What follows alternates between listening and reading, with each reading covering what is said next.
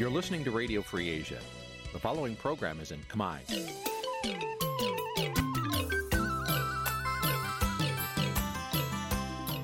នេះជាកម្មវិធីផ្សាយ Vuthu Azizi Serai នេះជាកម្មវិធីផ្សាយរបស់ Vuthu Azizi Serai ជាភាសាខ្មែរ Vuthu Azizi Serai សូមស្វាគមន៍លោកអ្នកនាងទាំងអស់ពីរដ្ឋធានី Washington នៃសហរដ្ឋអាមេរិក។ពី រដ្ឋធានី Washington សហរដ្ឋអាមេរិកនាងខ្ញុំសុជីវីសូមជម្រាបសួរលោកអ្នកនាងកញ្ញាដែលកំពុងតាមដានការផ្សាយរបស់ Vithu Azizi សេរីទាំងអស់ជាទីមេត្រីយើងខ្ញុំសូមជូនកម្មវិធីផ្សាយសម្រាប់ព្រឹកថ្ងៃពុធ900ខែបោះឆ្នាំឆ្លូវត្រីស័កពុរសករាជ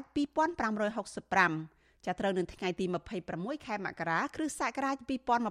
2022ចាត់ជាដំបូងនេះសូមអញ្ជើញលោកអ្នកនាង ស្ដាប់ព័ត៌មានប្រចាំថ្ងៃដែលមានមេត្តាដូចតទៅ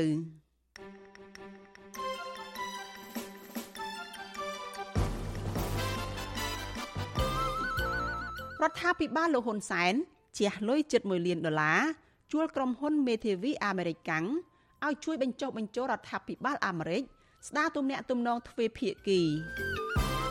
អ្នកខ្លំមើលការបោះឆ្នោត ស្នើអាជ្ញាធរក្រុងសៀមរាប បង្ហាញច្បាប់ ដែលតម្រូវឲ្យគណៈបកភ្លើងទៀនបង្ហាញទីតាំងនិងចំនួនស្លាកសហមេធាវីលោកកឹមសុខានឹងពិនិត្យមើលសំណុំរឿងរំលាយគណៈបកសង្គ្រោះជាតិ មូលហេតុដែលគណៈបកសិទ្ធិមនុស្សសម្រាប់មិនបន្តសកម្មភាពនយោបាយរបស់ខ្លួនរួមនឹងព័ត៌មានសំខាន់សំខាន់មួយចំនួនទៀតចាជាបន្តទៅទៀតនេះនាងខ្ញុំសុជីវីសូមជូនព័ត៌មានទាំងនេះពិស្ដារដ្ឋាភិបាលលោកនាយករដ្ឋមន្ត្រីហ៊ុនសែនចំណាយលុយជិត1លានដុល្លារពេញមួយឆ្នាំ2022ជួលក្រុមហ៊ុនមេធាវីអាមេរិកកាំងថ្មីមួយទៀតឲ្យជួយបញ្ចុះបញ្ចូលរដ្ឋាភិបាលអាមេរិក ដើម្បីស្ដារទំនាក់ទំនងទ្វេភាគីកម្ពុជានិងអាមេរិកឡើងវិញចាការចំណាយលុយជួលក្រុមហ៊ុនបញ្ចុះបញ្ចូលនេះត្រូវបានលាតត្រដាងឲ្យដឹងដោយក្រសួងយុតិធម៌របស់អាមេរិកចាលោកមានរិទ្ធរាយការណ៍ព័ត៌មាននេះក្រុមហ៊ុនមេធាវីអាមេរិកកាំងដែលរដ្ឋាភិបាលលោកនាយរដ្ឋមន្ត្រីហ៊ុនសែនបានជួលឲ្យជួយបញ្ចុះបញ្ចូលមន្ត្រីរដ្ឋាភិបាលនិងក្រុមអ្នកធ្វើគោលនយោបាយអាមេរិកកាំងឲ្យខ្លួននៅពេលនេះមានឈ្មោះថាក្រុមហ៊ុន Ekingam ដែលជាក្រុមហ៊ុនអាមេរិកកាំងល្បីឈ្មោះមួយក្រុមហ៊ុននេះក៏ធ្លាប់ផ្ដល់សេវាកម្មបញ្ចុះបញ្ចូលទៅឲ្យរដ្ឋាភិបាលបរទេសដទៃទៀតមានដូចជារដ្ឋាភិបាលជប៉ុន និងម៉ារ៉ុកជាដើមឯកសារនៃការចុះបញ្ជីតំណាងឲ្យភ្នាក់ងារបរទេសដែលត្រូវបានលាតត្រដាងឲ្យដឹងតាមរយៈក្រសួងយុទ្ធភ័ពអាមេរិកកាលពីថ្ងៃទី21ខែមករាឲ្យដឹងថាកិច្ចព្រមព្រៀងដែលរដ្ឋាភិបាលរបស់លោកនាយករដ្ឋមន្ត្រីហ៊ុនសែនជួលក្រុមហ៊ុននេះឲ្យជួយបញ្ចុះបញ្ចូល មានរយៈពេលពេញមួយឆ្នាំ2022តែម្ដងកិច្ចព្រមព្រៀងនេះត្រូវបានចុះហត្ថលេខាដោយភារៈត្រីស្ថានទូតកម្ពុជាប្រចាំសហរដ្ឋអាមេរិកលោកខឹមរុយសុនកាលពីថ្ងៃទី5ខែមករានិងក្រុមហ៊ុន Akingam តំណាងដោយលោក Scott David Pavan ដែលធ្លាប់ផ្ដល់សេវាកម្មបញ្ចុះបញ្ចូលតំណាងឲ្យរដ្ឋាភិបាលនិងស្ថានទូតបរទេសជាច្រើននៅរដ្ឋធានី Washington សហរដ្ឋអាមេរិក ក្រុមការងាររបស់ក្រុមហ៊ុនដែលរដ្ឋាភិបាលលោកហ៊ុនសែនជួលនេះរួមមានលោក Scott David Pavan និងដៃគូគឺលោក Ed Pagano ដែលជាអតីតទីប្រឹក្សាវិមានប្រធានាធិបតីអាមេរិកកាលពីសម័យរដ្ឋបាលរបស់លោក Barack Obama កិច្ចព្រមព្រៀងនេះបញ្ជាក់ថា រដ្ឋាភិបាលកម្ពុជានឹងត្រូវបង់ថ្លៃចំនួន60000ដុល្លារអាមេរិកនៅក្នុងមួយខែគិតចាប់តាំងពីថ្ងៃទី1ខែមករាឆ្នាំ2022រហូតដល់ថ្ងៃទី1ខែមករាឆ្នាំ2023ជាថ្នូវនឹងការផ្ដល់សេវាកម្មប្រឹក្សាក្នុងអ្វីមួយដែលភាគីទាំងពីរអះអាងថា ដើម្បីកសាងនូវការយល់ដឹងអំពីគ្នាកាន់តែប្រសើរឡើងនិងគូបញ្ជាក់អំពីវិស័យដែលជាចំណាប់អារម្មណ៍រួមដើម្បីកសាងនូវទំនាក់ទំនងថ្មីដែលនឹងជួយធ្វើឲ្យជឿនលឿនទៅមុខ នៃទំនាក់ទំនងទ្វេភាគីរវាងកម្ពុជានិងសហរដ្ឋអាមេរិកការចុះកិច្ចព្រមព្រៀងជួលក្រុមហ៊ុនអាមេរិកកាំងថ្មីពេញមួយឆ្នាំ2022នេះធ្វើឡើងស្របពេលដែលកម្ពុជាក្លាយជាប្រធានបដូវវេនអាស៊ាននិងក្រោយពីសហរដ្ឋអាមេរិកបានសម្រេចដាក់ទណ្ឌកម្មមិនលក់ដូរឬរដ្ឋបិទអាវុធផលិតដោយសហរដ្ឋអាមេរិកទៅឲ្យកម្ពុជា ទន្ទឹមនឹងនេះសហរដ្ឋអាមេរិកក៏បានដាក់ទណ្ឌកម្មជាបន្តបន្ទាប់ មកលើមន្ត្រីយោធាជាន់ខ្ពស់កម្ពុជានៅក្នុងនោះរួមមានលោកចៅភិរុនអគ្គនាយកនៃអគ្គនាយកដ្ឋានសម្ភារៈបច្ចេកទេសនៃក្រសួងការពារជាតិនិងលោកទាវិញ មេបញ្ជាការកងទ័ពជើងទឹកក្រោយពីរកឃើញថាមន្ត្រីកម្ពុជាទាំងពីររូបនេះពាក់ព័ន្ធទៅនឹងការប្រព្រឹត្តអំពើពុករលួយធ្ងន់ធ្ងរជំវិញគម្រោងធ្វើទំនើបកម្មកំពង់ផែកងទ័ពជើងទឹករៀម ទណ្ឌកម្មទាំងនេះក៏ជាការឆ្លើយតបទៅនឹងការកើនឡើងនៃអធិបតេយ្យរបស់ចិនមកលើកម្ពុជា ស្របពេលដែលសហរដ្ឋអាមេរិកនៅតែបន្តសម្ដែងក្តីបារម្ភរបស់ខ្លួនជុំវិញបញ្ហាសង្ស័យថាកម្ពុជាអនុញ្ញាតឲ្យចិនបោះមូលដ្ឋានទ័ពនៅកំពង់ផែរៀមនិងវត្តមានកងទ័ពចិននៅលើទឹកដីកម្ពុជាសហរដ្ឋអាមេរិកក៏នៅតែបន្តអំពាវនាវឲ្យកម្ពុជា បង្ហាញដំណាភាពជុំវិញរឿងនេះដែរ ថ្មីថ្មីនេះទៀតសោតសហរដ្ឋអាមេរិកក៏បានណែនាំក្រុមហ៊ុន និងក្រុមអ្នកវិនិយោគជនជាតិអាមេរិករបស់ខ្លួនទាំងអស់ឲ្យប្រុងប្រយ័ត្នមុននឹងមកវិនិយោគលើវិស័យហានិភ័យមួយចំនួននៅកម្ពុជា ដែលក្នុងនោះរួមមានដូចជាវិស័យហិរញ្ញវត្ថុអចលនទ្រព្យកាស៊ីណូនិងហេដ្ឋារចនាសម្ព័ន្ធជាដើម ជាមួយគ្នានេះដែរសេចក្តីស្នើច្បាប់ដាក់ទណ្ឌកម្មជាក់លាក់ចំនួន2ប្រឆាំងនឹងមន្ត្រីជាន់ខ្ពស់នៃរដ្ឋាភិបាលកម្ពុជាក៏កំពុងស្ថិតនៅក្នុងដៃស្ថាប័នព្រឹទ្ធសភាសហរដ្ឋអាមេរិកត្រៀមនឹងអនុម័តបន្តនាពេលខាងមុខនេះដើម្បីឲ្យប្រធានាធិបតីអាមេរិកចុះហត្ថលេខាក្លាយជាច្បាប់ផ្លូវការវិសុវស៊ីស្រីនៅមិនទាន់អាចសុំប្រតិកម្មពីអ្នកនាំពាក្យរដ្ឋាភិបាលកម្ពុជាលោកផៃស៊ីផានជុំវិញរឿងនេះបាននៅឡើយទេក៏ត្រឹមថ្ងៃទី25ខែមករា ទូយ៉ាងណាកាលពីដើមខែធ្នូឆ្នាំ2021លោកនាយរដ្ឋមន្ត្រីហ៊ុនសែនធ្លាប់ឌឺដងឲ្យសហរដ្ឋអាមេរិកឲ្យប្រញាប់អនុម័តច្បាប់ដាក់ទណ្ឌកម្មនេះតែម្ដងទៅក៏ប៉ុន្តែលោកក៏បានប្រមានដែរថាលោកនឹងរឹតបន្តឹងមិនអនុញ្ញាតឲ្យមន្ត្រីអាមេរិកចូលមកកម្ពុជាវិញដែរប្រសិនបើច្បាប់ដាក់ទណ្ឌកម្មនេះចូលជាធរមានមែននោះខ្ញុំប្រាំប្រយោទៅបើថាច្បាប់អនុម័តឲ្យអនុម័តទៅ ហើយរឿងតែមួយទេវាគ្មានអីទៅពីដឹងទេណែបិទទ្វារខ្ញុំបិទទ្វារមានន័យថាណែក៏ចូលមិនបានខ្ញុំក៏ចេញមួយតែប៉ុណ្ណឹងវាមានស្អីវាមិនមានតែម្ខាងមានតែម្ខាងកុំឲ្យវាពិបាកពេកណាបោវាវ៉ាពេកប្រើស្អីតិចមកគម្រាមគម្រាមគម្រាមគម្រាមគម្រាមអឺហើយចាំគម្រាមបានតែគេគម្រាមយើងវាគេគម្រាមមកជីវិតតើ បើទោះបីជារឿយរឿយលោកនាយរដ្ឋមន្ត្រីហ៊ុនសែនតែងប្រើវោហារស័ព្ទឌឺដងមិនខ្លាចឬបញ្យុះឲ្យសហរដ្ឋអាមេរិកបញ្ញាប់ធ្វើច្បាប់ដាក់ទណ្ឌកម្មមកលើមន្ត្រីរដ្ឋាភិបាលរបស់លោកយ៉ាងណាក៏ដោយក្តីក៏ប៉ុន្តែនៅពីក្រោយឆាកនោះវិញមន្ត្រីរបស់លោក ជាពិសេសមន្ត្រីឯកអគ្គរដ្ឋទូតរបស់លោកប្រចាំសហរដ្ឋអាមេរិក បានខ្វាត់ខ្វែងចាត់ចែងជួលក្រុមហ៊ុនអាមេរិកកាំងឲ្យជួយបញ្ចុះបញ្ចូលមន្ត្រីរដ្ឋាភិបាលសហព័ន្ធអាមេរិកនិងក្រុមអ្នកធ្វើគោលនយោបាយអាមេរិកកាំងកុំឲ្យធ្វើច្បាប់ដាក់ទណ្ឌកម្មមកលើរដ្ឋាភិបាលរបស់លោកកាលពីខែកញ្ញាឆ្នាំ2021កន្លងទៅឯកអគ្គរដ្ឋទូតកម្ពុជាប្រចាំសហរដ្ឋអាមេរិកលោកជុំសន្តិរីបានចុះហត្ថលេខាជួលក្រុមហ៊ុនអាមេរិកកាំងមួយឈ្មោះ Covis នៅក្នុងតម្លៃជិត70000ដុល្លារអាមេរិកនៅក្នុងមួយខែដោយគ្មានការកំណត់ ឲ្យជួយផ្ដល់សេវាកម្មទំនាក់ទំនងជាយុទ្ធសាស្ត្រនិងទំនាក់ទំនងជាមួយប្រព័ន្ធផ្សព្វផ្សាយនៅអាមេរិកនៅក្នុងគោលដៅលើកកម្ពស់ការយល់ដឹងជាសាធារណៈការធ្វើដំណើរនិងវិស័យទេសចរនៅកម្ពុជាការជួលក្រុមហ៊ុនអាមេរិកទាំងនេះមិនមែនជារឿងរ៉ាវថ្មីថ្មោងសម្រាប់រដ្ឋាភិបាលកម្ពុជានោះទេ កាលពីឆ្នាំ2018ក្រោយពីបានរៀបចំព្រឹត្តិការណ៍បោះឆ្នោត ដែលរងនឹងការរិះគន់ថាជាការបោះឆ្នោតខ្លាំងក្លារួចមកនិងក្រោយពីបានជំនះប្រសូតរដ្ឋាភិបាលអាណត្តិទី6ខ្វះភាពស្របច្បាប់រួចមករដ្ឋាភិបាលលោកនាយរដ្ឋមន្ត្រីហ៊ុនសែនក៏បានចំណាយលុយមិនតិចជាង1លាន2សែនដុល្លារអាមេរិកនៅក្នុងមួយឆ្នាំមួយឆ្នាំជួលក្រុមហ៊ុនអាមេរិកាំងឲ្យជួយបញ្ចុះបញ្ចូលរដ្ឋាភិបាល និងរដ្ឋសភាអាមេរិកកុំឲ្យធ្វើច្បាប់ដាក់ទណ្ឌកម្មមកលើមន្ត្រីរដ្ឋាភិបាលរបស់លោក ក្រុមហ៊ុនអាមេរិកកាំងដែលត្រូវបានរដ្ឋាភិបាលលោកហ៊ុនសែនជួលកាលពីពេលនោះរួមមានដូចជាក្រុមហ៊ុន Park Rim Bridges និងក្រុមហ៊ុន Brownstein Hyatt Faber-Schleck ជាដើម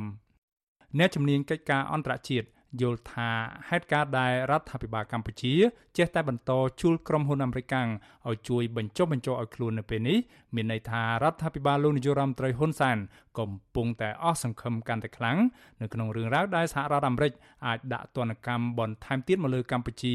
ជាពិសេសការអនុម័តសេចក្តីស្នើច្បាប់ដាក់ទណ្ឌកម្មជាក់លាក់មកលើមន្ត្រីជាន់ខ្ពស់កម្ពុជានិងការដកហូតប្រព័ន្ធអនុគ្រោះពន្ធទូទៅ GSP របស់អាមេរិក ព្រឹទ្ធបរិះរងនៃសាកលវិទ្យាល័យរដ្ឋអារីโซណាបណ្ឌិតអៀសផល មានប្រសាសន៍ថាទឹកប្រាក់ដែលរដ្ឋាភិបាលកម្ពុជា ចំណាយសម្រាប់យកទៅជួលក្រុមហ៊ុនអាមេរិកកាំងទាំងនេះមិនស្មើនឹងតម្លៃនាឡិកាទំនើបទំនើបដែលលោកហ៊ុនសែនកំពុងពាក់ផង លោកថារដ្ឋាភិបាលលោកហ៊ុនសែនជួលក្រុមហ៊ុនថ្មីនេះ ទំនងជាដើម្បីចង់ពង្រឹងមុខមាត់របស់ខ្លួននៅក្នុងចំណោមមន្ត្រីអាមេរិកស្របពេលដែលតំណាងរបស់ក្រុមហ៊ុនបញ្ចុះបញ្ចូលដែលរដ្ឋាភិបាលកម្ពុជាបានជួលនាពេលកន្លងមកមិនអាចបំពេញការងាររបស់ខ្លួនបានដោយមានប្រសិទ្ធភាពនោះលោកថាក្រុមហ៊ុនបញ្ចុះបញ្ចូលថ្មីឈ្មោះ Arkini នឹងព្យាយាមបង្កើនទំនាក់ទំនងជាមួយរដ្ឋាភិបាលកម្ពុជាដរាបណារដ្ឋាភិបាលកម្ពុជា មានលុយរាប់លានដុល្លារដើម្បីចំណាយឲ្យពួកគេ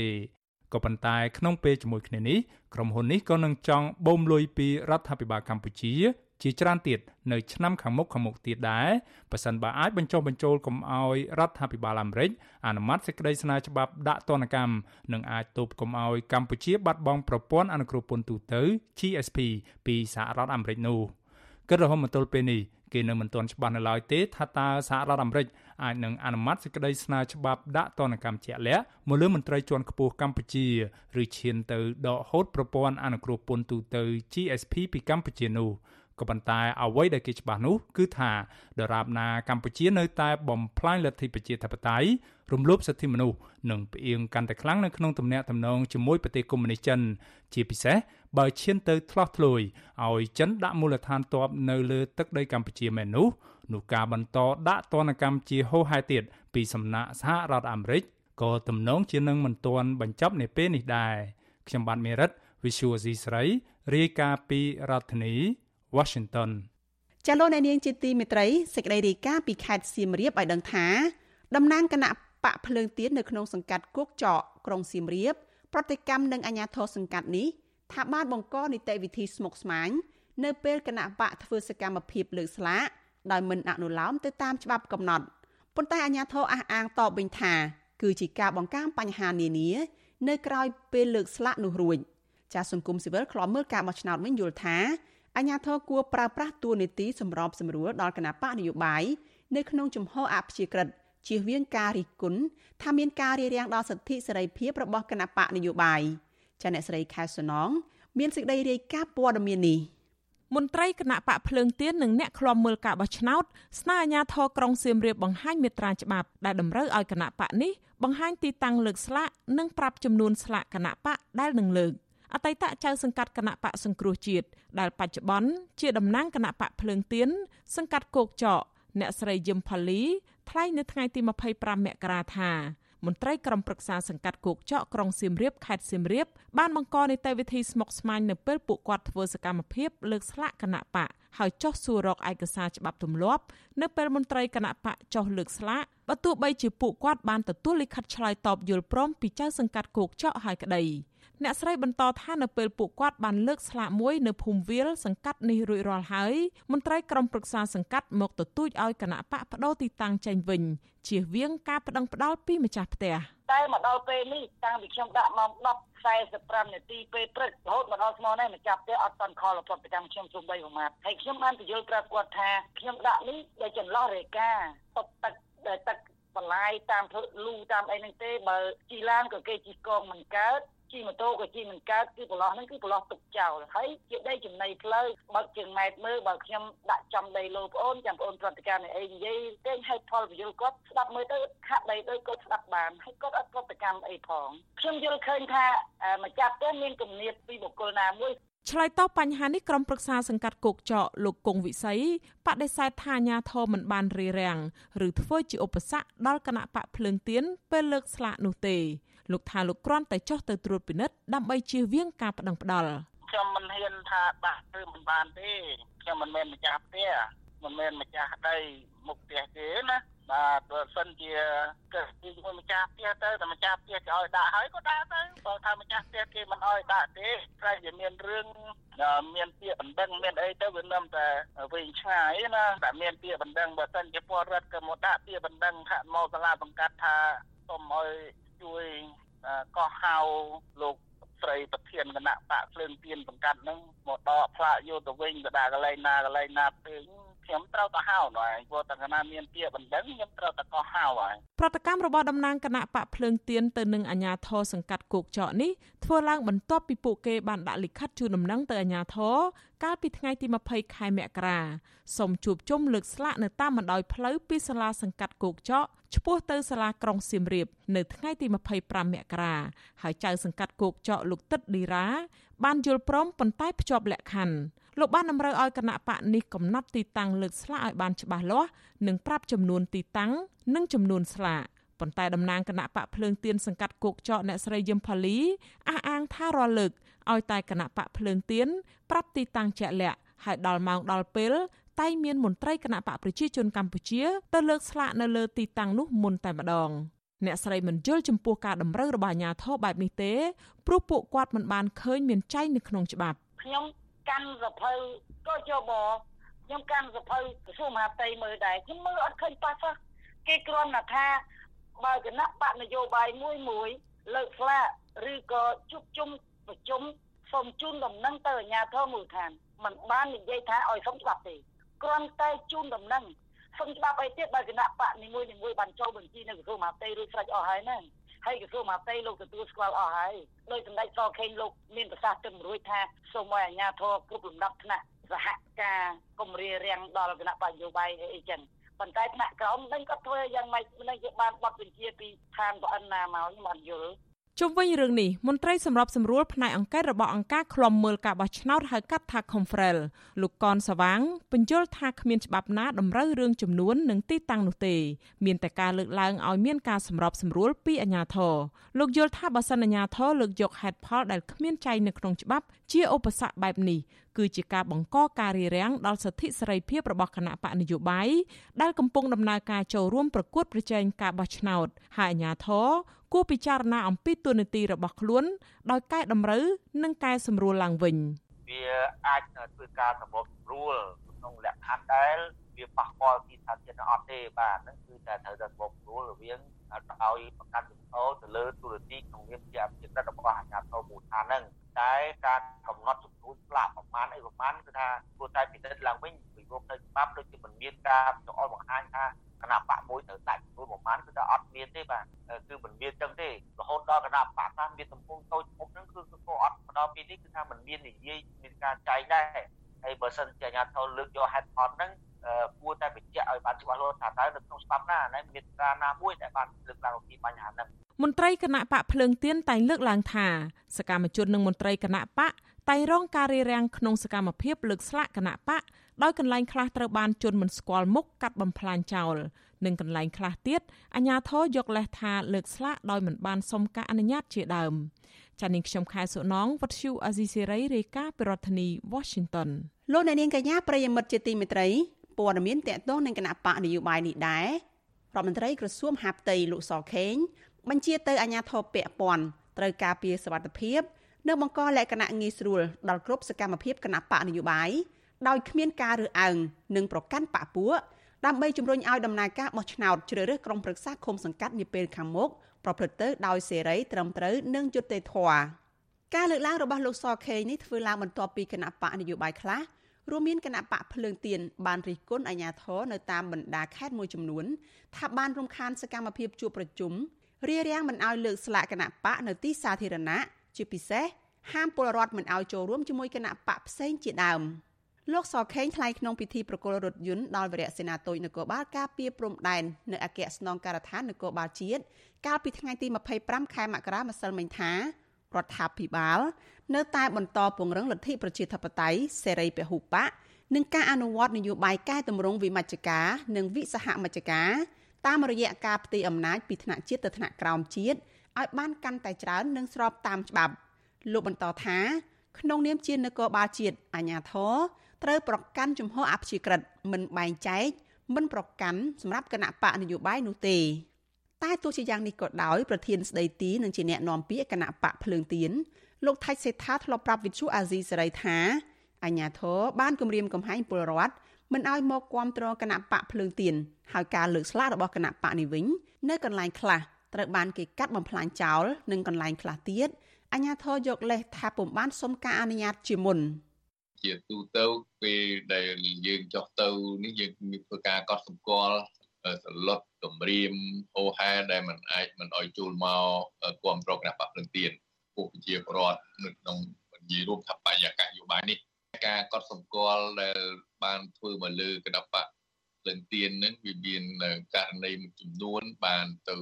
កាប់ស្លាកដូចនៅសៀមរាបហើយកន្លែងខ្លះទៀតក៏ហាមមិនអោយលើកថ្មីថ្មីនេះដូចនៅកំពង់ចាមអឺ ហើយកន្លែងខ្លះទៀតដែលទីសាធារណៈហ្នឹងគឺដែលគេលើកបានតែយើងវាលើកអត់បានបន្ថែមពីនេះប្រធានគណៈបកភ្លើងទៀននៅខេត្តបៃលិនលោកខឹមមនីកុសលក៏បានប្រាប់វិទ្យុអាស៊ីសេរីថាអភិបាលរងក្រុងបៃលិនលោកចរិទ្ធី ក្នុងពេលថ្មីថ្មីនេះបានដឹកនាំប៉ូលីសជាច្រើនអ្នកទៅរារាំងពួកលោកមិនឲ្យលើកស្លាកគណៈបកនៅលើដីកម្មសិទ្ធិរបស់សកម្មជនលោកនៅទីនោះ បើទោះបីជាបានបង្ហាញលិខិតជូនដំណឹងទៅសាលាខេត្តបៃលិនក៏ដោយការបោះឆ្នោតជ្រើសរើសក្រុមប្រឹក្សាឃុំសង្កាត់សម្រាប់អាណត្តិទី5នឹងប្រព្រឹត្តទៅ នៅថ្ងៃអាទិត្យទី5ខែមិថុនាឆ្នាំ2022ខាងមុខ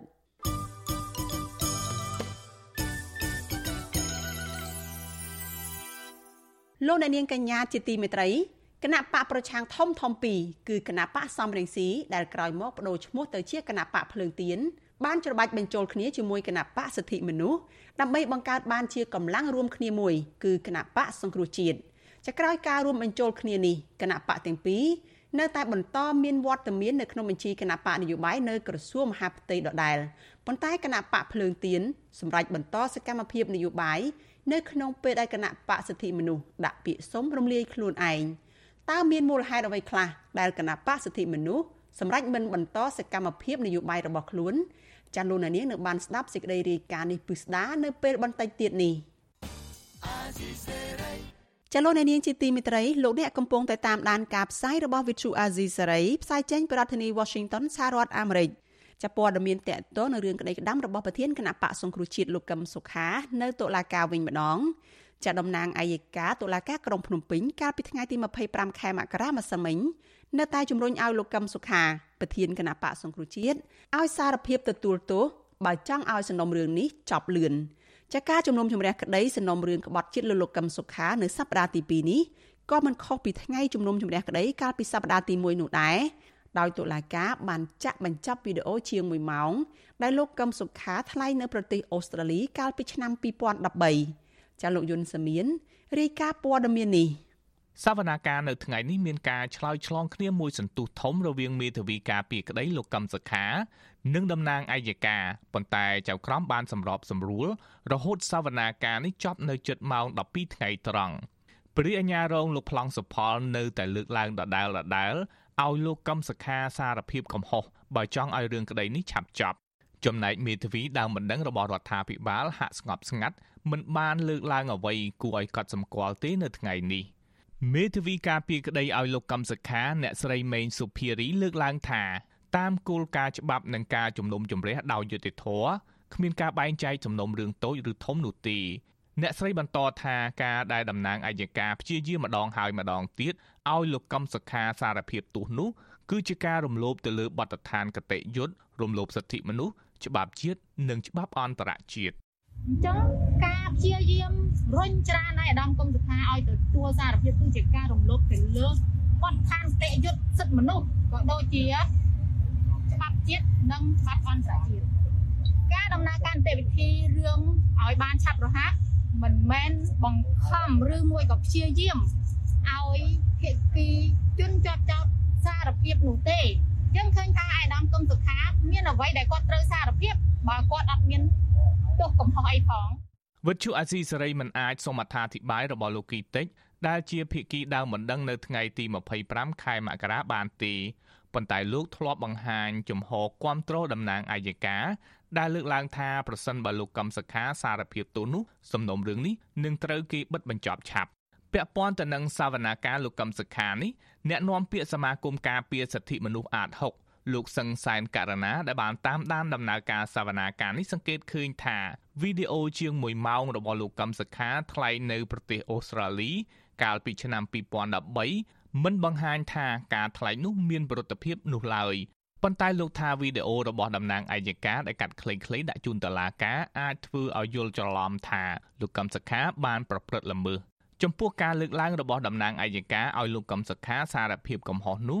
លោកសង្សានករណាយល់ថាវាបង្ហាញថាតំណាងអัยការគ្មានសមត្ថភាពរកឃើញទោសរបស់លោកកឹមសុខាទើបបានជំរុញដដែលដដែលឲ្យលោកកឹមសុខាទទួលកំហុសបែបនេះ ជាអ្នកអនុវត្តច្បាប់ក្នុងការចោតប្រកាន់ទៅលើបុគ្គលផ្សេងផ្សេងហើយយើងវាទាល់តែឲ្យគេសារភាពបានយើងដាក់ទោសទណ្ឌបានអានឹងក៏បង្ហាញអំពីភាពអសមត្ថភាពរបស់អ្នកអនុវត្តច្បាប់នឹងដែរណាហើយផ្ទុយទៅវិញបើសិនជាការចោតប្រកាន់នឹងវាឧទាហរណ៍ថាអ្នកនឹងប្រព្រឹត្តពិតប្រកបស្រាប់តែគាត់ទៅសារភាពថាគាត់អាចបានប្រព្រឹត្តហើយយើងឲ្យរួចខ្លួនអានឹងក៏វាអត់រឿងត្រឹមត្រូវដែរចំណុចនេះវាជារឿងមួយដែលមិនគប្បីទេព្រោះភាពយុត្តិធម៌มันអាស្រ័យទៅលើការសារភាពឬក៏មិនសារភាពអញ្ចឹងទេចំណែកអ្នកវិភាគនយោបាយលោកកឹមសុខមើលឃើញថាស្របពេលដែលលោកហ៊ុនសែនកំពុងដឹកដៃលោកហ៊ុនម៉ាណែតជាបេក្ខជននាយករដ្ឋមន្ត្រីត្រៀមកាន់អំណាចបែបនេះលោកស្នើកុំឲ្យមានសុតិធិនិយមពេកថាលោកហ៊ុនសែននឹងផ្ដល់សេរីភាពនយោបាយពេញលេញដល់លោកកឹមសុខាឆាប់ឆាប់នោះលោកហ៊ុនសែនធ្លាប់ថ្លែងថាលោកចង់ឲ្យសំណុំរឿងលោកកឹមសុខាអូសបន្លាយដល់ឆ្នាំ2024 ក្រុមមេធាវីលោកកឹមសុខានៅតែរិះគន់តុលាការថាបានអូសបន្លាយពេលវេលាសវនាការយូរដែលធ្វើឲ្យលោកកឹមសុខារងភាពអយុត្តិធម៌កាន់តែយូរនិងខាតប្រយោជន៍ដោយមិនអាចធ្វើសកម្មភាពនយោបាយក្នុងនាមជាប្រធានគណៈបកនយោបាយនៅឯក្រៅរបងតុលាការឯណោះវិញ មានអ្នកគាំទ្រលោកកឹមសុខាជាង50នាក់ឈរនៅឃ្លាំមើលមុខតុលាការក្រៅពីនេះក៏មានក្រុមអង្គការសង្គមស៊ីវិលតំណាងអង្គទូតនានានិងអ្នកកសែតផងដែរ ចំណែកអាជ្ញាធរបានដាក់កងកម្លាំងជាច្រើននៅជុំវិញបរិវេណតុលាការប៉ុន្តែมันមានអំពើហិង្សាកើតឡើងនោះទេតុលាការនឹងបន្តសវនាការលោកកំសខានៅថ្ងៃទី2ខែកុម្ភៈខាងមុខទៀតខ្ញុំយុនសាមៀនវិទ្យុអាស៊ីសេរីប្រធានាធិបតី Washington លោកនាងកញ្ញាប្រិយមិត្តជាទីមេត្រី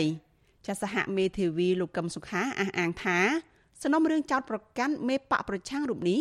តំណាងអាយកានៅតែមិនមានភ័ស្តុតាងដាក់បន្ទុកដដែល ប៉ុន្តែបែរជាមកបង្ខំកូនក្តីរបស់លោកឲ្យឆ្លើយសារភាព ដាក់កំហុសលើខ្លួនឯងដែលផ្ទុយពីច្បាប់អ្វីដែលសំខាន់ជាងនោះទៅទៀតគឺលោកកឹមសុខាមិនបានប្រព្រឹត្តខុសច្បាប់ដោយការចោទប្រកាន់លោកមេធាវីអាងឧត្តមបន្ថែមថាឥឡូវនេះសហមេធាវីកំពុងតែតតាំងរឿងក្តីតែសំណុំរឿងចោទប្រកាន់ប្រធានគណៈបកសង្គ្រោះជាតិគឺលោកកឹមសុខា ពីបទក្បត់ជាតិតែប៉ុណ្ណោះដើម្បីទាមទារយុត្តិធម៌ជូនប្រធានគណៈបកប្រឆាំងរូបនេះវិញ ប៉ុន្តែលោកអះអាងថាសហមេធាវីក៏អាចនឹងពិចារណាពិនិត្យមើលឡើងវិញសំណុំរឿងរំលាយគណៈបកសង្គ្រោះជាតិកាលពីឆ្នាំ2017ដែរលោកបញ្ជាក់ថាការចោទប្រកាន់មេបកប្រឆាំងនិងការរំលាយគណៈបកសង្គ្រោះជាតិជារឿងមិនត្រឹមត្រូវតាមនីតិវិធីឡើយចាសសូមអញ្ជើញលោកអ្នកនាង ស្ដាប់បទសម្ភាសរវាងលោកជុនច័ន្ទបុតនិងសហមេធាវីការពារលោកកឹមសុខាគឺលោកអាងឧត្តមអំពីបញ្ហានេះដូចតទៅ បាទលោកអាងឧត្តមតើលោកយល់យ៉ាងណាដែរសវនាការតែមួយព្រឹកនឹងហើយក៏លើកទៅដល់ដើមខែក្រោយទៅវិញបាទការអនុវត្តដូចជាផ្ទុយអ្វីដែលយើងចង់បានសូមបញ្ជាក់ថានៅក្នុងសវនាការពេលយើងលើកអីបន្តិចបន្តួចខ្លះគេថាយើងយកលេសយកអីអីមកពជាពេលលើកតែឥឡូវក៏អត់បានប្រយោជន៍បានការមកពជាពេលតាមពិតការពជាពេលគឺបង្កឡើងដោយភាគីផ្សេងយើងបានស្នើសុំជាញយញឹកញឹកញាប់ញាប់ តាមរយៈលិខិតស្នាមឡើង3ដងជាលាក់លាក់អក្សរតឡាការឆ្លើយតែម្ដងពីរដងទីអត់ឆ្លើយពេលយើងដេញដោលសួរទៅថា គេជិលឆ្លើយដដែលដដែលគាត់អត់គិតថាការធ្វើបែបនេះពជាពេលអូដល់មួយឆ្នាំ7 2ឆ្នាំនេះវាប៉ះពាល់ដល់សិទ្ធិស្របច្បាប់ក្នុងការទទួលបានការជំនុំជម្រះក្តីដោយឆាប់រហ័សរបស់អេដាមកំសខាទេយើងទទូចហើយទទូចទៀតសុំហើយសុំទៀតពីសប្តាហ៍មុនយើងសុំម្ដងតឡាការអត់បានឆ្លើយទៅថ្ងៃនេះបញ្ជាក់ច្បាស់ទៀតថាតឡាការអតិតក្រោយបានធ្វើមកពេលទៀតយើងមានការមានស្រឡាំងកាំងយើងយើងខកចិត្តវាខ្លាំងដោយសារតែចំណាត់ការរបស់តុលាការផ្ទុយពីអ្វីដែលដែលយើងចង់បានយើងចង់ឲ្យឲ្យលឿនដំណើរការលឿនយើងបានកាត់បន្ថយច្រើនណាអ្វីដែលយើងត្រូវធ្វើត្រូវនិយាយថាដើម្បីឲ្យជំរុញឲ្យតុលាការនឹងបន្លឿនដំណើរការនីតិវិធីនឹងឲ្យឆាប់ ដល់ទីបញ្ចប់ស្រាប់តែយើងទឿនខ្លាំងមែនទែនទៅខាងតំណាងអាយកាបន្លយពាក្យវិញហើយចង់ឆាប់ចប់ហ្នឹងឲ្យឆាប់ជរើសរើសយកឲ្យអាដាមកំសានឹងសារភាពទោសអីហ្នឹងទៅយើងចង់ឆ្លើយតែនឹងណាយើងអត់ឆ្លើយតទេព្រោះយើងមិនចង់រំខានទេវេលាការស្នើយោបល់បន្លយពាក្យបែបនេះវាខុសខុសនឹងនីតិវិធីខុសនឹងច្បាប់ ឲ្យមិនត្រឹមត្រូវឲ្យអាដាមកម្មសខាគាត់សារភាពទោសមិនបើគាត់បានប្រព្រឹត្តកំហុសផងហ្នឹងហើយទោះជាគាត់សារភាពទោសដែលអត់បានប្រព្រឹត្តកំហុសបែបនេះយុទ្ធធម៌នឹងគឺយុទ្ធធម៌คล้ายคล้ายมันអាចទទួលយកបានទេយើងបានជំរុញថាផ្ទុយទៅវិញដើម្បីឲ្យឆាប់លឿនឆាប់ចប់ដូចព្រឹកមិញចឹងណាងអាយកាបានប្រឡយមករឿងមកឈុតថាខុសតាំងមួយនេះមិនមែនជាធ្ងន់ធ្ងរ អាចដាក់បន្ទុកអីទេយើងចង់ឆ្លើយតែយើងមិនឆ្លើយទាំងត្រង់ហ្នឹងទេព្រោះយើងមិនចង់ខានទាំងពេលវេលាតែយើងបានមកបកស្រាយនៅខាងក្រៅតុលាការថាបើសិនព្រាជអាណាតំណាងអាយកាមើលឃើញថាមានខុសតាំងណា មិនត្រឹមត្រូវគឺភ័ស្តុតាងណាមកដោះបន្ទុកដកចេញទៅដកឲ្យបានមុនគឺធ្វើការធ្វើការដេញដោលទៅហើយដកចេញឲ្យអស់ហើយក្នុងករណីពិនិត្យឃើញថាភ័ស្តុតាងដាក់បន្ទុកអត់គ្រប់គ្រាន់តំណាងអាយកាមានភារកិច្ចត្រូវស្នើសុំទៅតុលាការឲ្យលើកលែងការចោទប្រកាន់ណាមិនមែនឲ្យឲ្យឲ្យឲ្យជនជាប់ចោទដែលអត់មានកំហុសឲ្យសារភាពទោសទេលើកលែងការចោទប្រកាន់ទៅបើខ្លួនឯងមានអត់មានភ័ស្តុតាងទៅទុកគ្រប់គ្រាន់ប៉ុណ្ណឹង4ឆ្នាំជាងនេះអត់មានភ័ស្តុតាងណាមួយដែលគ្រប់គ្រាន់យកមកដាក់បន្ទុកលោកលោកមេធាវីការដែល4ឆ្នាំមុននេះដោយលោកមេធាវីមានប្រសាសន៍ថា4ឆ្នាំនេះអត់មានភ័ស្តុតាងណាមកដាក់បន្ទុកនេះដូច្នេះការដែលហាក់ដូចជាស្នើឲ្យលោកស្នើឬងួយបកបង្ខំយើងមិនដឹងប្រើពាក្យណាឲ្យត្រូវទេនៅពេលដែលលើកម្ដងហើយម្ដងទៀតថាឲ្យលោកកឹមសុខាទទួលសារភាពនេះអាចបញ្ជាក់ថាខាងភាគីដើមចោតនឹងមិនមានភ័ស្តុតាងទេដែលបខំឬមួយក៏ស្នើម្ដងហើយម្ដងទៀតឲ្យលោកកឹមសុខាទទួលសារភាពទោសនេះបាទ តាមពិតមិនមែនបខំមិនមែនស្នើទេជាការណែនាំជាយោបល់ទេព្រោះពេលมันមានសិទ្ធិបខំយើងគេណែនាំជាយោបល់ផោះតាំងយើងថាអត់មានគេថាមានយើងថាមានមែនប៉ុន្តែអត់ត្រឹមត្រូវអត់មានផោះតាំងណាដាក់បន្ទុកទេហើយគេថាមានអញ្ចឹងគេយកអាផោះតាំងទាំងអស់ដែលមិនតន់ជិះសង្គមគ្នាហ្នឹងមកធ្វើការអីវែងញែកមកធ្វើការអីដេញដោលតើពីខាងភៀកគីលោកកឹមសុខាមានខាងភៀកគីក្រមមេធាវីរបស់លោកកឹមសុខាមានលោកអាងឧត្តមផ្ទាល់នេះតើមានបានពិចារណាចំណុចណាមួយថាដើម្បីពន្លឿននីតិវិធីនេះដើម្បីពន្លឿននេះអាចមានការផ្ដោះប្ដូរគ្នាបែបណាខ្ញុំបាទមិនដឹងថាតើភាសាច្បាប់នឹងគេនិយាយយ៉ាងម៉េចទេប៉ុន្តែភាសាអង់គ្លេសហៅ plea bargain នោះគឺថាអាចចរចាគ្នាបើសិនជាអ្នកឯងសុខចិត្តសារភាពទោសទៅនឹងបន្ទាប់មកទៀតនឹងលើកលែងទោសឲ្យបែបនេះនឹងចេះបែបនេះតើអាចមានករណីនឹង ការបើការ plea bargain វាគូណា plea guilty ណាឲ្យ plea bargain មិនបើអត់តើមាន plea plea guilty អត់មាន plea guilty ណាបើជនជាប់ជាប់អត់មានបានប្រព្រឹត្តទោសកំហុសផងហ្នឹងធ្វើបែបនេះមានតែធ្វើឲ្យខុសពីលក្ខខណ្ឌយុទ្ធយុទ្ធធម៌ទេហើយយុទ្ធធម៌ដែលបានមកក៏វាជា fake justice ជាយុទ្ធធម៌ខ្លាំងខ្លាយដែរដែលយើងអត់ត្រូវការយើងអត់ចង់បានទេបាទដូច្នេះមិនដែលជជែកគ្នាអំពីច្រកចេញនឹងមួយទេអត់ដែលទេ បាទដូច្នេះសំណួររបស់ខ្ញុំមួយទៀតលោកអាងឧត្តមថាប្រសិនបើទីបំផុតទៅ មានការកាត់ក្តីលោកកឹមសុខានឹងឬមួយក៏មានទោសឬមួយក៏មិនមានទោសអីទៅទីបំផុតលោកកឹមសុខាអាចមានសេរីភាពឡើងវិញតើខាងមេធាវីទទួលយកបានទេបើសិនជាមានសេរីភាពលោកកឹមសុខាក៏ប៉ុន្តែគណៈបកសង្គ្រោះជាតិនៅតែគេរំលាយចោលដដែលទីនេះយើងការពារតែករណីអាដាមកឹមសុខាករណីគណៈបក យើងអត់បានការពារទេករណីវាចប់ទៅហើយណាដូច្នេះទីនេះយើងផ្ដោតតែករណីរូបវន្តបុគ្គលគឺអាដាមសន្តាផ្ទាល់ទេរឿងគណៈបកដែលគេបានចាត់ចែងចាត់ការចប់ហើយនឹងជារឿងមួយដោយឡែកយើងក៏តែសំណួរមានការពិចារណាថាអាចមានជំរឿទៅបណ្ដឹងសើឬអីអត់អីអត់អានឹងយើងកំពុងតែពិនិត្យមើលកតិច្បាប់តទៅទៀត បាទដែលហេតុថាពួកយើងខ្ញុំជាអ្នកព័ត៌មានជាពិសេសខាងអាស៊ីសេរីនេះមិនដែលបានជួបសម្ភាសជាមួយនឹងលោកអាដាមកឹមសុខាផ្ទាល់ទៅជំហររបស់លោកវិញតើលោកអាចនឹងទទួលយកទេនៅពេលបើសិនជាលោកគេផ្ដល់ឲ្យមានសេរីភាពតាមការលើកលែងទោសបន្ទាប់ពីកាត់ទោសហើយឬមួយក៏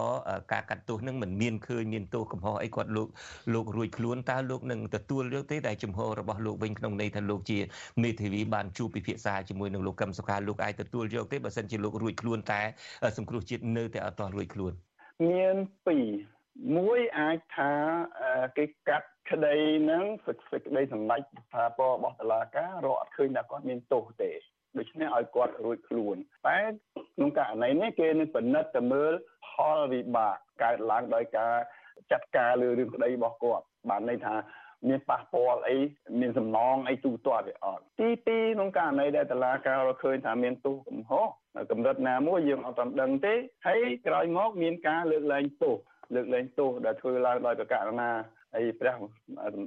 មហាក្សត្រចឹងទៅហ្នឹងមួយសួរថាបើមានករណីបែបនេះខ្ញុំមិនអាចឆ្លើយជំនួសឲ្យដំកម្មសខាទេតែបើខ្ញុំជាគាត់វិញថាយើងមិនមិនទទួលមិនរបស់ដែលដែលគេឲ្យតែទីមួយទទួលរបស់ដែល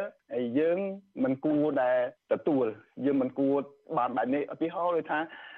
យើងអត់មានកំហុសសោះយើងអត់មានទោសសោះគេកាត់ឲ្យយើងមានទោសហើយគេលើកទោសយើងអាហ្នឹងវាមិនវាមិនត្រឹមត្រូវវាមិន logic វាមិនសមដូច្នេះចង់មិនចង់ទោះយើងមិនទទួលក៏គេឲ្យដែរអាហ្នឹងយើងមិនទទួលក៏គេឲ្យយើងរួចខ្លួនឲ្យយើងមានសេរីភាពអាហ្នឹងវាទៅជាទៅបែបនេះទៅខ្ញុំបាទសូមអរគុណនិងសូមជម្រាបលាលោកមេធាវីអាងឧត្តមតែត្រឹមនេះបាទបាទអរគុណច្រើនបាទអរគុណលោកអ្នកនាងជាទីមេត្រីលោកអ្នកនាងទើបតែបានស្ដាប់បទសម្ភាសន៍រវាងលោកជុនច័ន្ទបុត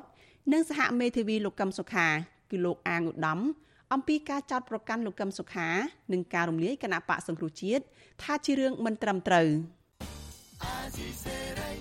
ចលនានាងជាទីមេត្រីកម្មវិធីផ្សាយរបស់ Vithu Azizi សេរីនេះចាក្រៅពីផ្សាយតាមបណ្ដាញសង្គម Facebook និង YouTube ចាលោកនាងក៏អាចស្ដាប់ការផ្សាយរបស់យើងដំណើរគ្នាតាមរយៈវិទ្យុរលកធាតុអាកាសខ្លី SW ចាប់ពេលព្រឹកចាប់ពីម៉ោង5កន្លះដល់ម៉ោង6កន្លះ តាមរយៈរលកធាតុអាកាសខ្លី9390 kHz ស្មើនឹងកម្ពស់ 32m និង11800 kHz ស្មើនឹងកម្ពស់ 25m ចាប់ពេលយប់ចាប់ពីម៉ោង7កន្លះដល់ម៉ោង8កន្លះតាមរយៈរលកធាតុអាកាសខ្លី9390 kHz ស្មើនឹងកម្ពស់ 32m និង15155 kHz ស្មើនឹងកម្ពស់ 20m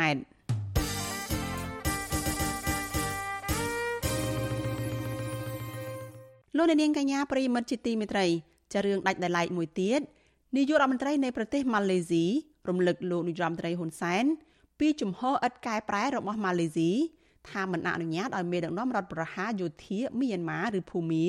ចូលរួមកិច្ចប្រជុំអាស៊ានឡើយដរាបណាគ្មានការវិវត្តពិតប្រាកដនៃវិបត្តិភូមានោះជាការបញ្ជាក់ជំហរឡើងវិញរបស់ម៉ាឡេស៊ីនៅពេលនេះធ្វើឡើងនៅក្នុងជំនួបតាមប្រព័ន្ធវីដេអូជាមួយលោកហ៊ុនសែន កាលពីថ្ងៃទី25ខែមករាម្សិលមិញអ្នកជំនាញថាកម្ពុជាទំនងចង់កែសម្រួលភាពមិនចុះសម្រុងគ្នាក្នុងចំណោមសមាជិកអាស៊ានដើម្បីអាចរៀបចំកិច្ចប្រជុំថ្នាក់រដ្ឋមន្ត្រីការបរទេសអាស៊ានជាលើកដំបូងបាននាពេលខាងមុខចាលោកមានរិទ្ធមានសេចក្តីរាយការណ៍មួយទៀតអំពីរឿងនេះខុសពីនមុនដំណើរទស្សនកិច្ចដ៏ចម្រូងចម្រាសរបស់លោក ទៅចាប់ដៃមេដឹកនាំរដ្ឋប្រហារយោធាភូមាកាលពីដើមឆ្នាំ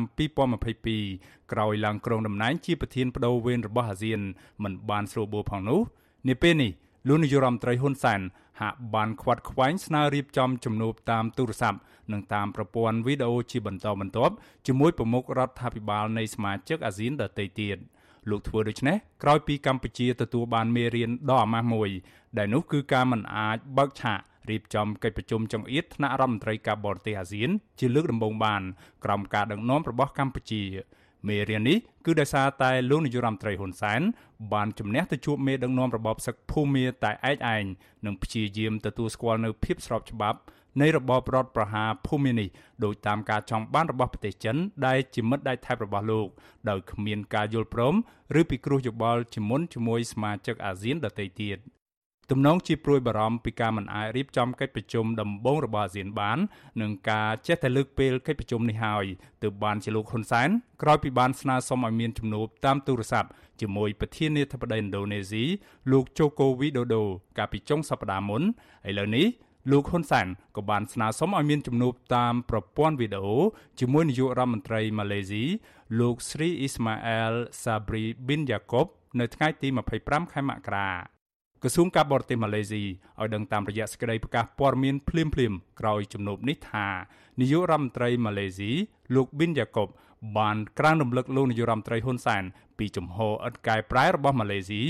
មិនអនុញ្ញាតឲ្យមេដឹកនាំរដ្ឋប្រហារភូមាចូលរួមកិច្ចប្រជុំអាស៊ានបានឡើយដរាបណាគ្មានការវិវត្តពិតប្រាកដនិងគ្មានការអនុវត្តពេញលេញនៅលក្ខខណ្ឌដែលបានឯកភាពគ្នា5ចំណុចរបស់អាស៊ាន ដែលរបបសឹកភូមាត្រូវតែគ្រប់តាមនាយករដ្ឋមន្ត្រីម៉ាឡេស៊ីគូបញ្ជាក់ប្រាប់លោកហ៊ុនសែន3ចំណុចក្នុងនោះមានដូចជាតម្រូវការជាបន្តនៅក្នុងការកាត់បន្ថយកម្ដៅនយោបាយចំពោះស្ថានភាពនៅភូមា និងការបញ្ឈប់អំពើហិង្សាប្រឆាំងនឹងពលរដ្ឋស៊ីវិល ការបើកឲ្យមានកិច្ចសន្ទនានយោបាយដែលមានគ្រប់ភាគីពាក់ព័ន្ធចូលរួមជាមួយនឹងការអំពាវនាវឲ្យដោះលែងអ្នកទស្សនយោបាយភូមាទាំងអស់រួមទាំងអ្នកស្រីអ៊ុងសាំងស៊ូជីផងចុងក្រោយគឺការផ្ដល់ជំនួយមនុស្សធម៌ដែលត្រូវបន្តធ្វើឡើងតាមរយៈយន្តការអាស៊ានមិនខុសពីសពមួយដងកម្ពុជាបានព្យាយាមលាក់បាំងខ្លឹមសារសំខាន់សំខាន់មួយចំនួននៃជំនួបនេះ ក្រសួងការបរទេសកម្ពុជាមិនបានប្រកាសឲ្យដឹងពីជំហរជាក់លាក់របស់ម៉ាឡេស៊ីដែលនៅតែមិនចង់ឃើញមានវត្តមានមេដឹកនាំរបបសឹកភូមាអាចចូលរួមកិច្ចប្រជុំអាស៊ានដោយតាមការចង់បានរបស់កម្ពុជានិងចិនដដែលក្រសួងការបរទេសកម្ពុជាបញ្ជាក់ថាលោកហ៊ុនសែនបានអញ្ជើញនាយករដ្ឋមន្ត្រីម៉ាឡេស៊ីឲ្យមកបំពេញទស្សនកិច្ចផ្លូវការនៅកម្ពុជា តាមពេលវេលាសមស្របណាមួយដោយមិនចាំបាច់រងចាំរហូតដល់ពេលមានកិច្ចប្រជុំកំពូលអាស៊ាន នៅចុងឆ្នាំនេះទេ ក្រសួងការបរទេសកម្ពុជាឲ្យដឹងដែរថានាយករដ្ឋមន្ត្រីម៉ាឡេស៊ី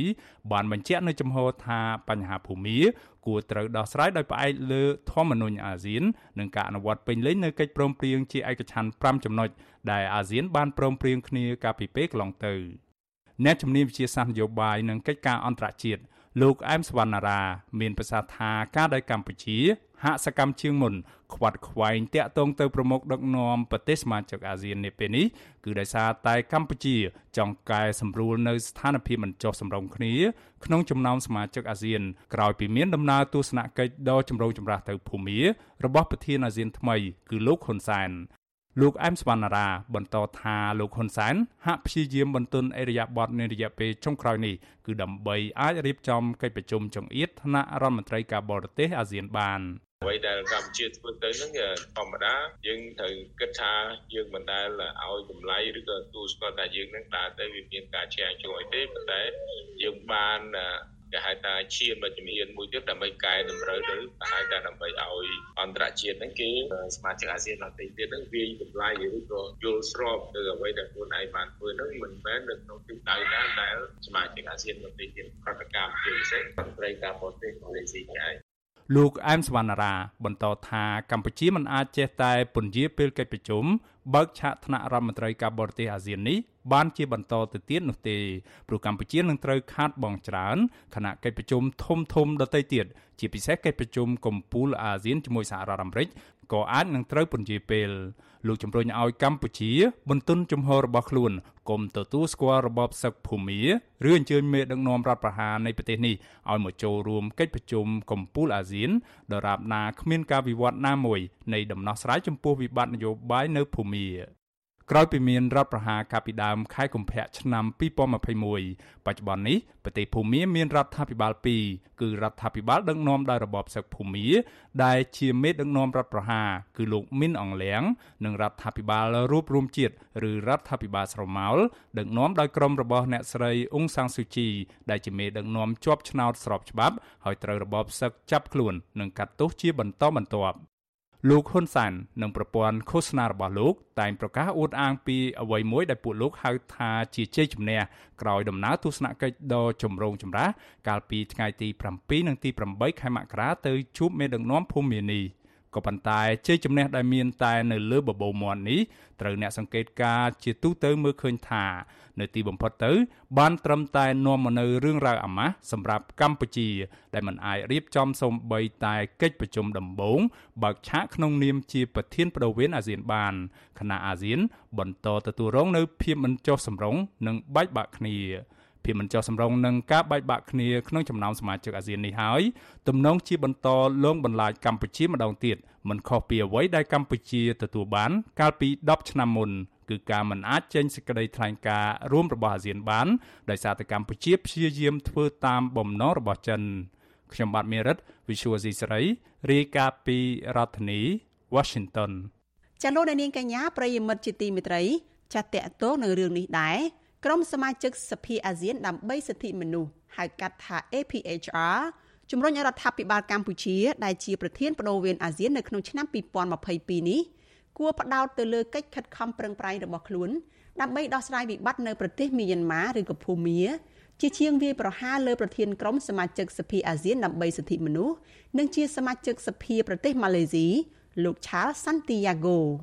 សេចក្តីប្រកាសព័ត៌មានរបស់ក្រុមសមាជិកសភាអាស៊ានដើម្បីសិទ្ធិមនុស្សកាលពីថ្ងៃទី25ខែមករាម្សិលមិញឲ្យដឹងថាដំណើរទស្សនកិច្ចរបស់លោកនាយករដ្ឋមន្ត្រីហ៊ុនសែនទៅជួបមេដឹកនាំរដ្ឋប្រហារភូមាគឺលោកមីនអងលៀងគឺមិនត្រឹមតែជាការបំបែកបំបាក់ផ្ទៃក្នុងនិងគោលការណ៍របស់អាស៊ានប៉ុណ្ណោះទេគឺថែមទាំងបង្កើនឲ្យមានការប្រើអំពើហិង្សានៅក្នុងប្រទេសភូមានោះថែមទៀតផងសេចក្តីប្រកាសដដែលនោះបន្តថា ទោះបីមេដឹកនាំរដ្ឋប្រហារយោធាភូមាសន្យាថានឹងបញ្ឈប់ការបាញ់គ្នារហូតដល់ចុងឆ្នាំ2022គ្រាន់តែលោកហ៊ុនសែនចេញផុតពីភូមា ពួកយោធាក៏បើកការវាយប្រហារពីលើអាកាសបាញ់កំទេចផ្ទះអ្នកស្រុកឲ្យឆេះជាច្រើនខ្នងនៅរដ្ឋធានីឡយកាក្នុងរដ្ឋការ៉ានីបណ្ដាលឲ្យប្រជាពលរដ្ឋជាង40000នាក់ផ្លាស់ទីលំនៅចាប្រតិកម្មរបស់ប្រធានក្រុមសមាជិកអាស៊ានដើម្បីសិទ្ធិមនុស្សធ្វើឡើងក្រោយរដ្ឋសភាកម្ពុជាកាលពីថ្ងៃទី24ខែមករា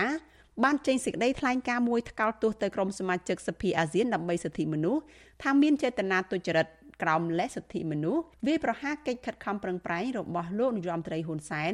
ដើម្បីជំរុញឲ្យមានសុខសន្តិភាពការផ្សះផ្សាជាតិដើម្បីបញ្ចប់វិបត្តិនៅភូមាចាសសេចក្តីថ្លែងការណ៍ដដែលក៏សង្កត់ធ្ងន់ថាលោក Charles Santiago ដែលបច្ចុប្បន្នជាប្រធានក្រុមសមាជិកសភាអាស៊ានដើម្បីសិទ្ធិមនុស្ស តែងតែរួមសហការជាមួយនឹងក្រុមសកម្មជននយោបាយជ្រុលនិយមនិងក្រុមឧទាមក្រៅច្បាប់ដើម្បីវាយប្រហារដល់រដ្ឋាភិបាលកម្ពុជាដែលស្របច្បាប់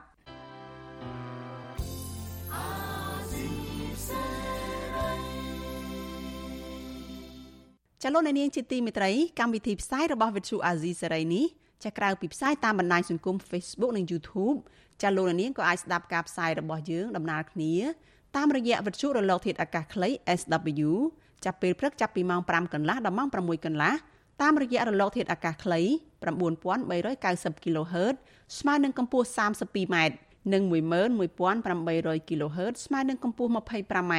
ចាប់ពេលយប់ចាប់ពីម៉ោង7កន្លះដល់ម៉ោង8កន្លះតាមរយៈរលកធាតុអាកាសខ្លី9390 kHz ស្មើនឹងកម្ពស់ 32m និង15155 kHz ស្មើនឹងកម្ពស់ 20m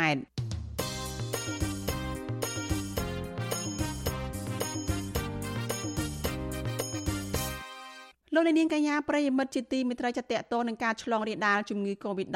វិញម្ដងកម្ពុជារកឃើញអ្នកឆ្លងជំងឺ Covid-19 ចំនួន28អ្នកបន្ថែមទៀតជាប្រភេទមេរោគបំផ្លាញថ្មីអូមីក្រុងទាំងអស់ក្នុងនោះ18អ្នកគឺជាករណីនាំចូលពីក្រៅប្រទេស និង10នាក់ឆ្លងនៅក្នុងសហគមន៍ក្រសួងសុខាភិបាលប្រកាសថាគិតត្រឹមព្រឹកថ្ងៃទី25ខែមករាកម្ពុជាមានអ្នកកើតជំងឺ Covid-19 ជាង121,000នាក់ក្នុងនោះអ្នកជាសះស្បើយមានជាង117,000នាក់និងអ្នកស្លាប់វិញគឺមានចំនួន3015នាក់ចំពោះការចាក់វ៉ាក់សាំងវិញក្រសួងសុខាភិបាលឲ្យដឹងថាគិតត្រឹមថ្ងៃទី24ខែមករារដ្ឋាភិបាលចាក់វ៉ាក់សាំងជូនពលរដ្ឋដែលមានអាយុចាប់ពី5ឆ្នាំឡើងទៅ បានជាង14លាន3សែននាក់សម្រាប់ដូសទី1ខណៈដូសទី2បានជាង13លាន7សែននាក់និងដូសទី3បានជាង5លាន3សែននាក់ជាមួយគ្នានេះក្រសួងសុខាភិបាលបន្តជំរុញឲ្យអាជ្ញាធរពាក់ព័ន្ធចាក់វ៉ាក់សាំងដូសទី3ឬហៅថាដូសជំរុញជូនដល់ពលរដ្ឋឲ្យបានលឿនដើម្បីការពារការឆ្លងរាលដាលជំងឺ Covid-19 បំផ្លែងថ្មីនេះអ្នកនាំពាក្យក្រសួងសុខាភិបាលអ្នកស្រីអាវ៉ាន់ឌិនបានផ្ដល់សម្ភារដល់អ្នកសារព័ត៌មាន ក្នុងពេលចុះទៅពិនិត្យក្រុមគ្រូពេទ្យនៅក្នុងខេត្តកំពង់ឆ្នាំងកាលពីថ្ងៃទី24ខែមករាដោយស្នើឲ្យមន្ត្រីសុខាភិបាលសហការជាមួយអាជ្ញាធរខេត្តនេះចុះប្រមូលប្រជាពលរដ្ឋដែលមិនទាន់ចាក់វ៉ាក់សាំងដើម្បីចាក់ជូនពួកគាត់ដល់ទីតាំងរស់នៅឲ្យបានឆាប់និងឲ្យបានគ្រប់គ្រប់គ្នា បន្ថែមពីនេះអ្នកស្រីក៏អំពាវនាវដល់ស្ត្រីមានផ្ទៃពោះនិងស្ត្រីបំបើកូនដោយទឹកដោះប្រញាប់ទៅចាក់វ៉ាក់សាំងឲ្យបានគ្រប់គ្រប់គ្នាដែរ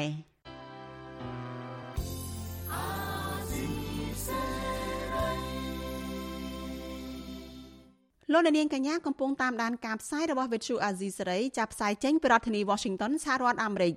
គណៈបកប្រឆាំងធំធំពីរគឺគណៈបកសំរងស៊ីដែលក្រោយមកបដូរឈ្មោះទៅជាគណៈបកភ្លើងទៀនបានច្របាច់បញ្ចូលគ្នាជាមួយនឹងគណៈបកសិទ្ធិមនុស្សដើម្បីបង្កើតបានកម្លាំងរួមគ្នាមួយគឺគណៈបកសង្គ្រោះជាតិចាក្រោយការរួមបញ្ចូលគ្នានោះគណៈបកទាំងពីរនៅតែបន្តមានវត្តមាននៅក្នុងបញ្ជីគណៈបកនយោបាយនៅក្រសួងមហាផ្ទៃប៉ុន្តែ គណៈបកភ្លើងទៀនសម្រាប់បន្តសកម្មភាពនយោបាយក្នុងពេលដែលគណៈបកសិទ្ធិមនុស្សដាក់ពាក្យសុំរំលាយខ្លួនឯងតើមានមូលហេតុអ្វីខ្លះដែលគណៈបកសិទ្ធិមនុស្សសម្រាប់មិនបន្តសកម្មភាពនយោបាយរបស់ខ្លួន ពីរដ្ឋធានី Washington លោកមួងណារ៉េតមានសេចក្តីរាយការណ៍អំពីរឿងនេះ ទាំងគណៈបកសិទ្ធិមនុស្សនិងគណៈបកសំរងស៊ីសុទ្ធតែសម្រេចមិនធ្វើសកម្មភាពនយោបាយតាំងតែពីគណៈបកទាំងពីរចាប់ដៃគ្នាបង្កើតបានជាគណៈបកសង្គ្រោះជាតិកាលពីខែកក្កដាឆ្នាំ2012មកម្លេះក៏ប៉ុន្តែក្រោយការរំលាយគណៈបកសង្គ្រោះជាតិទើបគណៈបកសិទ្ធិមនុស្សសម្រេចរំលាយខ្លួនដែរគណៈបកសិទ្ធិមនុស្សបានជូនដំណឹងទៅក្រសួងមហាផ្ទៃអំពីការសម្រេចរំលាយខ្លួនឯងកាលពីចុងខែមករាឆ្នាំ2018ពលគឺនៅ3ខែក្រោយការរំលាយគណៈបកសង្គ្រោះជាតិ ប្រធានគណៈបកសង្គ្រោះជាតិលោកកឹមសុខា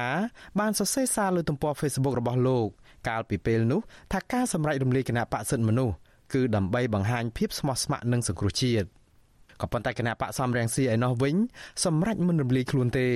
គ្រាន់តែបដូរឈ្មោះទៅជាគណៈបកភ្លើងទៀនហើយពេលថ្មីថ្មីនេះបានចាប់ផ្ដើមបង្កើនសកម្មភាពនយោបាយនៅមូលដ្ឋានយ៉ាងខ្លាំងក្លា ប្រធានស្ដីទីគណៈបកភ្លើងទៀនលោកថាច់សេថាប្រាប់វិទ្យុអាស៊ីសេរីកាលពីយប់ថ្ងៃទី25ខែមករាថាហេតុដែលគណៈបកភ្លើងទៀនមិនត្រឹមតែមិនរំលាយទេហើយថែមទាំងសកម្មខ្លាំងក្លាជាងមុននោះគឺដោយសារតែលោកយល់ថាការរំលាយគណៈបកចោលដើម្បីបង្ហាញភាពស្មោះត្រង់គឺជារឿងហួសសម័យពេកហើយ សម័យបុរាណពីមុនដើម្បីបង្ហាញភាពស្មោះត្រង់ពេលប្តីស្លាប់ថាប្រពន្ធនឹងមិនត្រូវយកទៅកប់ដែរស្លាប់ស្លាប់ដែរឥឡូវនេះ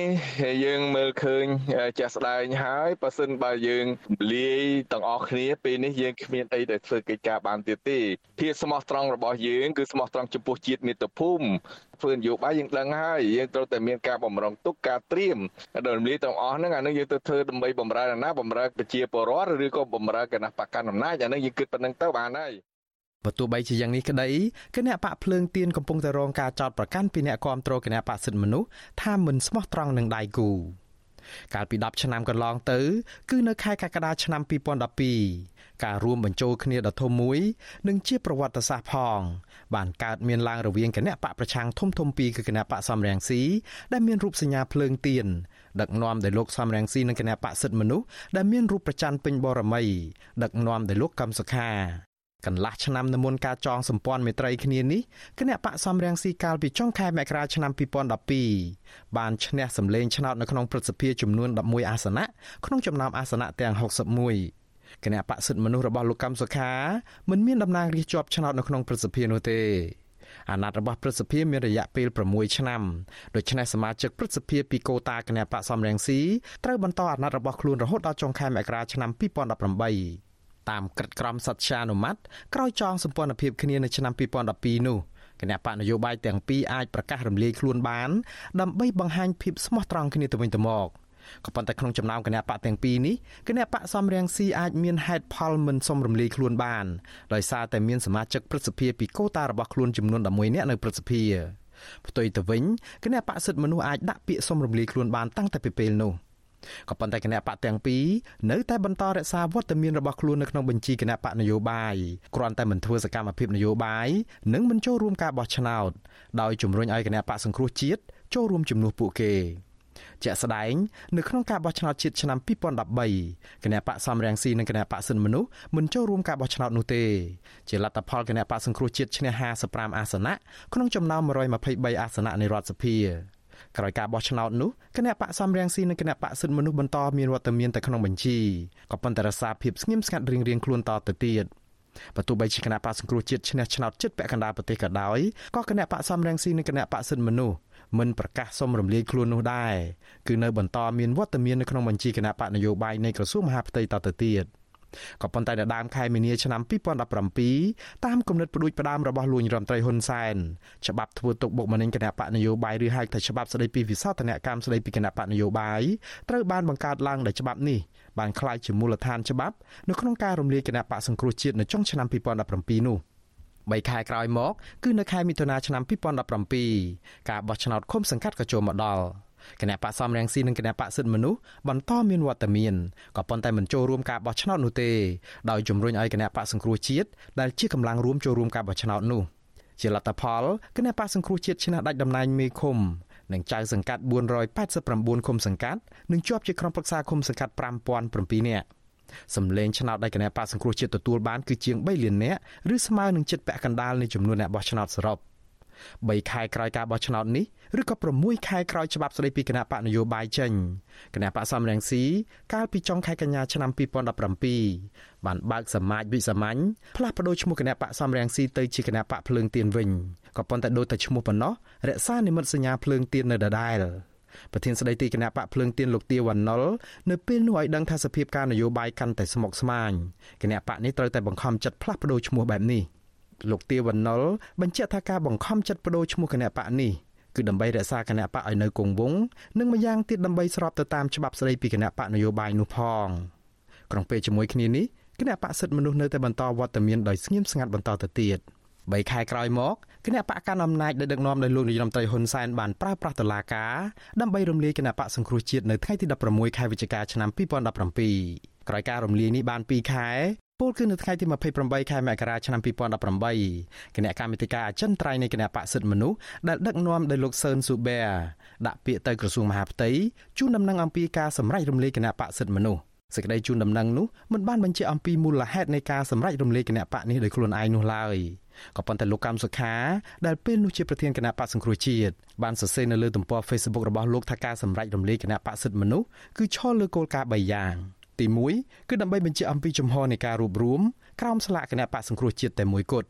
មិនមានការបែកបាក់របស់អ្នកប្រជាធិបតេយ្យនិងអ្នកជាតិនិយមទី2មិនធ្វើតាមអ្វីដែលគូប្រកួតឲ្យដើរគឺក្រោយពីការរំលាយគណៈបកសង្គ្រោះជាតិគេមានបំណងឲ្យបកប្រឆាំងបែកគ្នាទៅរកគណៈបកចាស់រៀងរៀងខ្លួន និងទី3គោរពឆន្ទៈរបស់ប្រជាពលរដ្ឋនិងម្ចាស់ឆ្នោតជាង3លាននាក់ដោយនៅជាមួយគណៈបកសង្គ្រោះជាតិក៏ប៉ុន្តែសេចក្តីជូនដំណឹងទៅក្រសួងមហាផ្ទៃនោះត្រូវបានក្រសួងនេះតបវិញនៅដើមខែកុម្ភៈឆ្នាំ2018នោះដោយតម្រូវឲ្យគណៈបកសិទ្ធិមនុស្សបើកសមាជបកនេះដើម្បីរកសម្លេងគាំទ្រឲ្យបាន2ភាគ3ស្របតាមលក្ខន្តិកៈរបស់គណៈបកសិទ្ធិមនុស្សត្រង់ប្រកាស50ថ្មីកថាខណ្ឌទី2ដែលតម្រូវបែបនេះទើបអាចរំលាយស្របច្បាប់បាន ដើម្បីរកសម្លេង2ភាគ3ពីសមាជបកនេះបានគណៈបកសិទ្ធិមនុស្សត្រូវការរកមនុស្សឲ្យបានពី600ទៅ700នាក់តើរកឯណាបានបើសមាជិកទាំងនេះចូលនៅក្នុងគណៈបកសង្គ្រោះជាតិអស់ទៅហើយនោះវិទ្យុអាស៊ីសេរីមិនទាន់អាចសុំការបំភ្លឺរឿងនេះពីប្រធានគណៈបកសិទ្ធិមនុស្សលោកសឿនស៊ូបែបាននៅឡើយទេក៏ប៉ុន្តែលោកសឿនស៊ូបែធ្លាប់ប្រាប់សារព័ត៌មាននៅក្នុងស្រុកកាលពីពេលនោះថាលោកមិនអាចរកមនុស្សទាំងនេះឲ្យគ្រប់បានទេ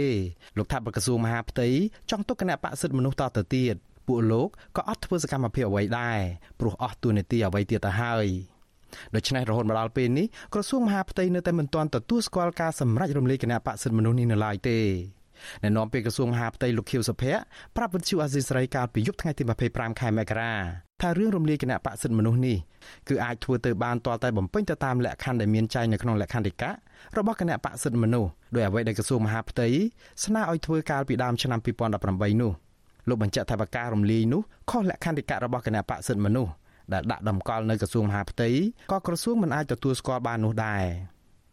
ក្រោយគណៈបកសិទ្ធិមនុស្សជួបការលំបាកនៅក្នុងការរំលាយខ្លួននេះឯងគណៈបកភ្លើងទៀនកាលពីចុងខែកុម្ភៈឆ្នាំ2018បានកែសម្រួលលក្ខន្តិកៈរបស់ខ្លួនតាក់ទងនឹងលក្ខខណ្ឌរំលាយខ្លួនឯងតាមរយៈសមាជវិសាមញ្ញនៅពេលនោះគណៈបកនេះបានបដូរលក្ខន្តិកៈគណៈបកដើម្បីសម្រួលឲ្យមានការរំលាយខ្លួនឯងដោយត្រូវការអនុម័តត្រឹមតែសម្លេង50បូក1 របស់គណៈកម្មការនយោបាយតែប៉ុណ្ណោះលោកទាវវណ្ណុលប្រាប់សារព័ត៌មានក្នុងស្រុកនៅពេលនោះថាការបដូរលក្ខន្តិកៈនេះគឺធ្វើឡើងដើម្បីឲ្យគណៈបកភ្លើងទៀនមានភាពងាយស្រួលនៅពេលដែលចង់រំលាយខ្លួនឯង4ខែក្រោយមកការបោះឆ្នោតជាតិឆ្នាំ2018បានចូលមកដល់គណៈបកសិទ្ធិមនុស្សដែលក្រសួងមិនទទួលស្គាល់ថាបានរំលាយនោះនៅបន្តភាពស្ងៀមស្ងាត់និងលុបចោលគេហទំព័រផ្លូវការរបស់គណៈបកនេះស្របពេលដែលគណៈបកភ្លើងទៀនដែលបដូរឈ្មោះពីគណៈបកសំរងស៊ី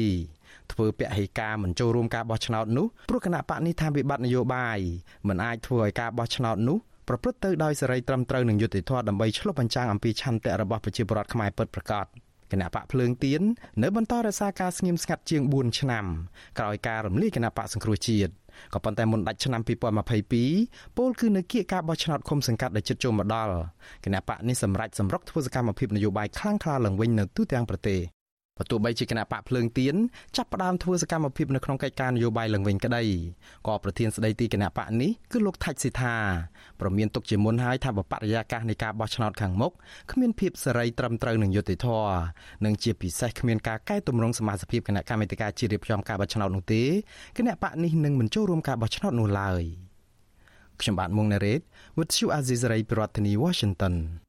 ចលនានាងជាទីមេត្រីកម្មវិធីផ្សាយរបស់ Vithu Azizi សេរីនេះ ចាក្រៅពីផ្សាយតាមបណ្ដាញសង្គម Facebook និង YouTube ចាលោកនាងក៏អាចស្ដាប់ការផ្សាយរបស់យើងដំណើរគ្នាតាមរយៈវិទ្យុរលកធាតុអាកាសខ្លី SW ចាប់ពេលព្រឹកចាប់ពីម៉ោង5កន្លះដល់ម៉ោង6កន្លះតាមរយៈរលកធាតុអាកាសខ្លី9390 kHz ស្មើនឹងកម្ពស់ 32m និង11800 kHz ស្មើនឹងកម្ពស់ 25m ចាប់ពេលយប់ចាប់ពីម៉ោង7កន្លះដល់ម៉ោង8កន្លះ តាមរយៈរលកធាតុអាកាសខ្លី9390 kHz ស្មើនឹងកម្ពស់ 32m និង15155 kHz ស្មើនឹងកម្ពស់ 20m